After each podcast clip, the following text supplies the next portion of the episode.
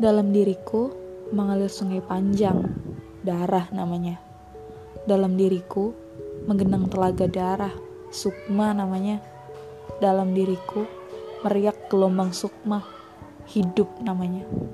Dan karena hidup itu indah, aku menangis puas-puasnya.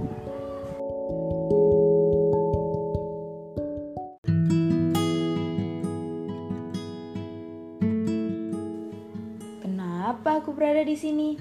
Tanya kerikil yang goblok itu.